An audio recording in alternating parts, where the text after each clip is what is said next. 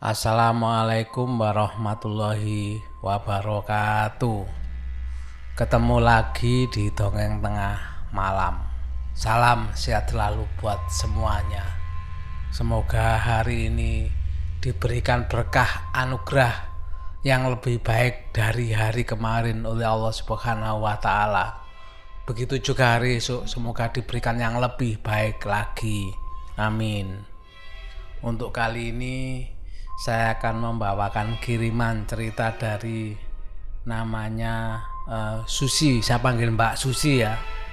Beliau ini akan menceritakan pengalaman pertamanya yang terjadi saat umurnya 7 atau 8 tahun ya, sekitar kelas 2 atau 3 SD tahun 2000-an. Tapi sebelum ke cerita saya ingatkan dulu ya. Yang belum subscribe monggo dulu dongeng tengah malam, subscribe dulu klik like-nya, jangan lupa tulis komentarnya.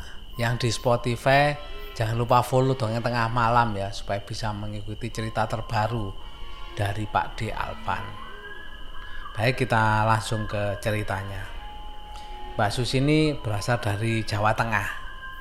Tetapi orang tuanya Mbak Susi ini beberapa kali ikut program transmigrasi. Di antaranya ke Kalimantan Tengah. Nah, di sanalah kisahnya ini terjadi. Yang akan diceritakan di sini adalah pengalaman mistis pertamanya Mbak Susi. Sebelum ke ceritanya, Mbak Susi ini ingin menggambarkan eh, daerah tentang atau suasana lokasi tempat pengalaman mistisnya ini. Lokasi trans itu benar-benar hutan, katanya Mbak Susi yang yang belum pernah terjamah sama sekali. Kemudian dibuka menjadi perkampungan atau pemukiman baru.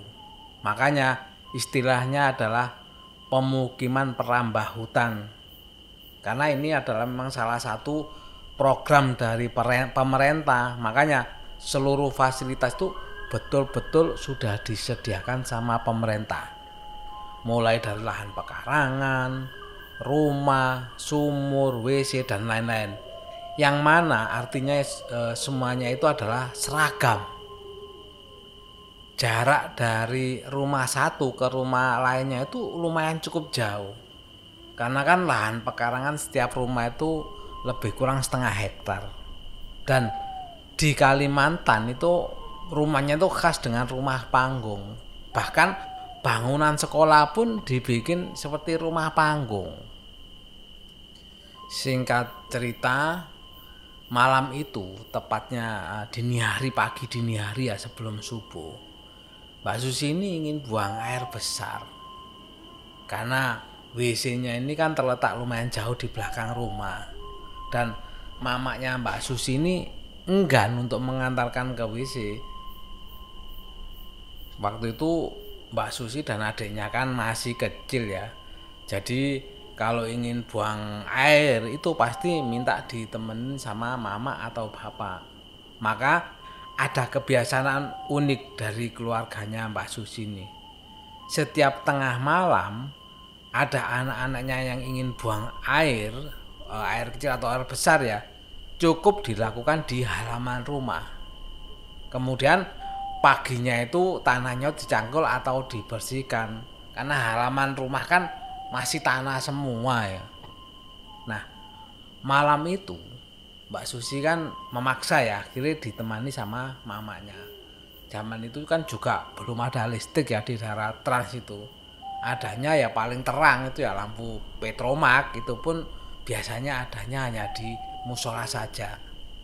Yang punya genset pun hanya beberapa orang saja. Jadi mereka hanya membawa lampu laut untuk penerangan lampu laut itu lampu minyak tanah yang digantung itu yang ada semprong atau kacanya itu ya. Di saat Mbak Susini jongkok itu kan menghadap ke selatan. Sedangkan mamanya ini kan menghadap ke utara. Jadi mereka ini saling berhadapan. Mungkin kalau bilang jaraknya kira-kira 3 meteran lah. Nah, lampunya ini yang membawa adalah mama karena keadaan yang tanpa penerangan ya malah mereka bisa melihat dengan jelas keliling karena pantulan cahaya dari langit karena daripada bengong melihat ke satu titik Mbak Susi ini mengalihkan pandangan ke sekitar atau sekeliling melihat pepohonan dan lain-lain. Lah, pas matanya Mbak Susi tertuju ke rumah tetangga, itu kan di depan rumahnya ya. Mbak Susi ini melihat sesat, sesuatu. Oh ya, Mbak Susi lupa jelaskan ya. Seperti Mbak Susi jelaskan di atas kalau transmigrasi adalah kampung baru yang mana penduduknya pun semua kan orang baru. Jadi nggak ada yang punya peliharaan selain ayam. Bahkan kambing pun hanya satu orang yang punya. Mbak Susi ingat beliau adalah kepala sekolahnya di sekolahnya Mbak Susi. Tetapi yang dilihat Mbak Susi malam itu, Mbak Susi melihat dengan jelas ada seekor sapi yang besar sedang menyusui anaknya. Tapi pada saat itu Pak kan Mbak Susi nggak ada perasaan takut. Karena memang wujudnya itu nggak menakutkan sama sekali. Yang benar-benar ya kelihatan itu memang e, seekor sapi. Yang muncul dalam benaknya Mbak Susi justru bertanya-tanya dalam hatinya lah itu sapi siapa? Kan di kampung ini nggak ada sama sekali yang punya sapi. Dan kalau dipikir-pikir memang aneh juga.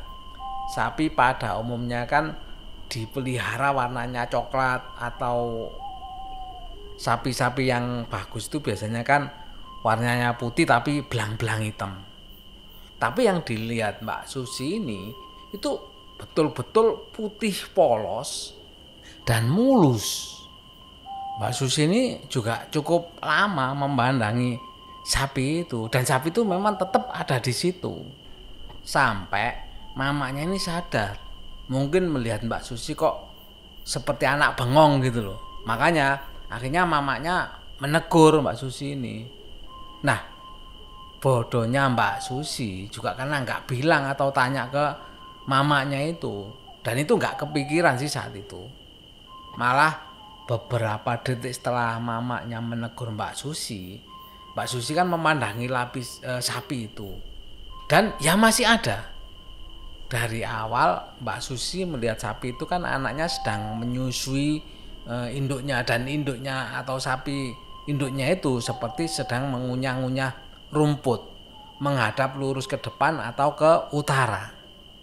Tapi setelah dilihat yang kedua kalinya nggak berapa lama induk sapi itu menundukkan kepalanya seolah-olah e, memberi atau berbicara dengan anaknya Kenapa Mbak Susi bilang demikian? Karena setelah beberapa saat induk sapi itu menunduk, seketika anak sapi yang sedang menyusui itu lari sekencang-kencangnya mengejar Mbak Susi.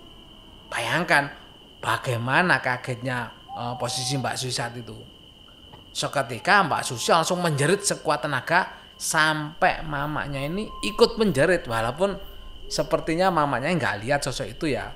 Mungkin karena kaget juga dengar cerita Mbak Susi makanya mamanya ikut-ikutan menjerit.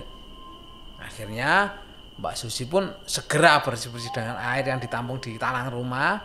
Jadi nggak repot-repot jauh ke sumur lah lalu mamanya pun cepet-cepet masuk ke rumah seperti disampaikan di atas ya bahwa di sana rumahnya kan rumah panggung otomatis kalau mau masuk ke rumah kan memang harus naik tangga. Lah, saking gemetarannya Mbak Susi ini, sampai-sampai kakinya Mbak Susi kaku, nggak bisa melangkah. Nah, lucunya mamanya bukannya menggeret Mbak Susi yang ketakutan, malah ninggalin Mbak Susi sendirian. Tapi karena merasa takut, Mbak Susi ya berusaha sekuat tenaga akhirnya sampailah masuk ke rumah. Dan setelah masuk ke kamar Mbak Susi kan berus, e, berusaha pakai celananya karena masih gemetar ketakutan ya pada waktu pakai celana itu sampai terjatuh-jatuh e, Mbak Susi ini jadi ceritanya ya pas anak sapi tadi berlari ke arahnya Mbak Susi walaupun kaget dan takut Mbak Susi ini masih sempat melihat pergerakannya sepersekian detik lah. Jadi anak sapi yang mulainya besar itu pas lari itu semakin lama semakin mengecil dan hilang di tengah-tengah halaman rumah kira-kira ya 4 meter lah dari posisi Mbak Susi ini jongkok. Mbak Susi juga nggak tahu apa sebenarnya yang dilihat eh, yang dilihatnya tadi itu. Padahal kan benar-benar melihat seperti sapi gitu Yang pasti kejadian tersebut adalah kejadian di luar pemikiran kita. Karena e, contohnya tadi sapi yang mendekatinya Mbak mendekati Mbak Sui harusnya kan semakin lama semakin besar. Tapi kenapa kok semakin lama semakin dekat tuh semakin kecil dan menghilang. Jadi sulit dijelaskan sosok apa yang mendekati yang berupa sapi tersebut. Itu tadi eh, pengalaman mistis Mbak Susi ya, makanya diberi judul sapi putih. Tapi Mbak Susi sempat membuat catatan ya eh, di terakhir ceritanya ini bahwa masih ada beberapa pengalaman pribadinya. Salah satunya ya masih dari Kalimantan tersebut. Terima kasih Mbak Susi atas kiriman ceritanya. Ditunggu ya next ceritanya. Untuk sedulur dongeng tengah malam barangkali juga ada pengalaman-pengalaman seperti yang dialami Mbak Susi ya. Bisa kirim ke dongeng tengah malam via email ya. Emailnya dongeng tengah malam at gmail.com. Monggo bisa dikirim di email tersebut. Saya sampaikan terima kasih juga kepada sedulur dongeng tengah malam semua yang selalu hadir untuk mendengarkan cerita dari Pak D. Semoga juga bisa menghibur sedulurku semuanya. Sebelum saya akhiri, saya ingatkan lagi yang belum subscribe, monggo di subscribe dulu. Yang di Spotify yang belum follow, monggo di follow dulu. Supaya selalu tidak ketinggalan cerita dari uh, dongeng tengah malam. Terima kasih semuanya saya akhiri. Wassalamualaikum warahmatullahi wabarakatuh.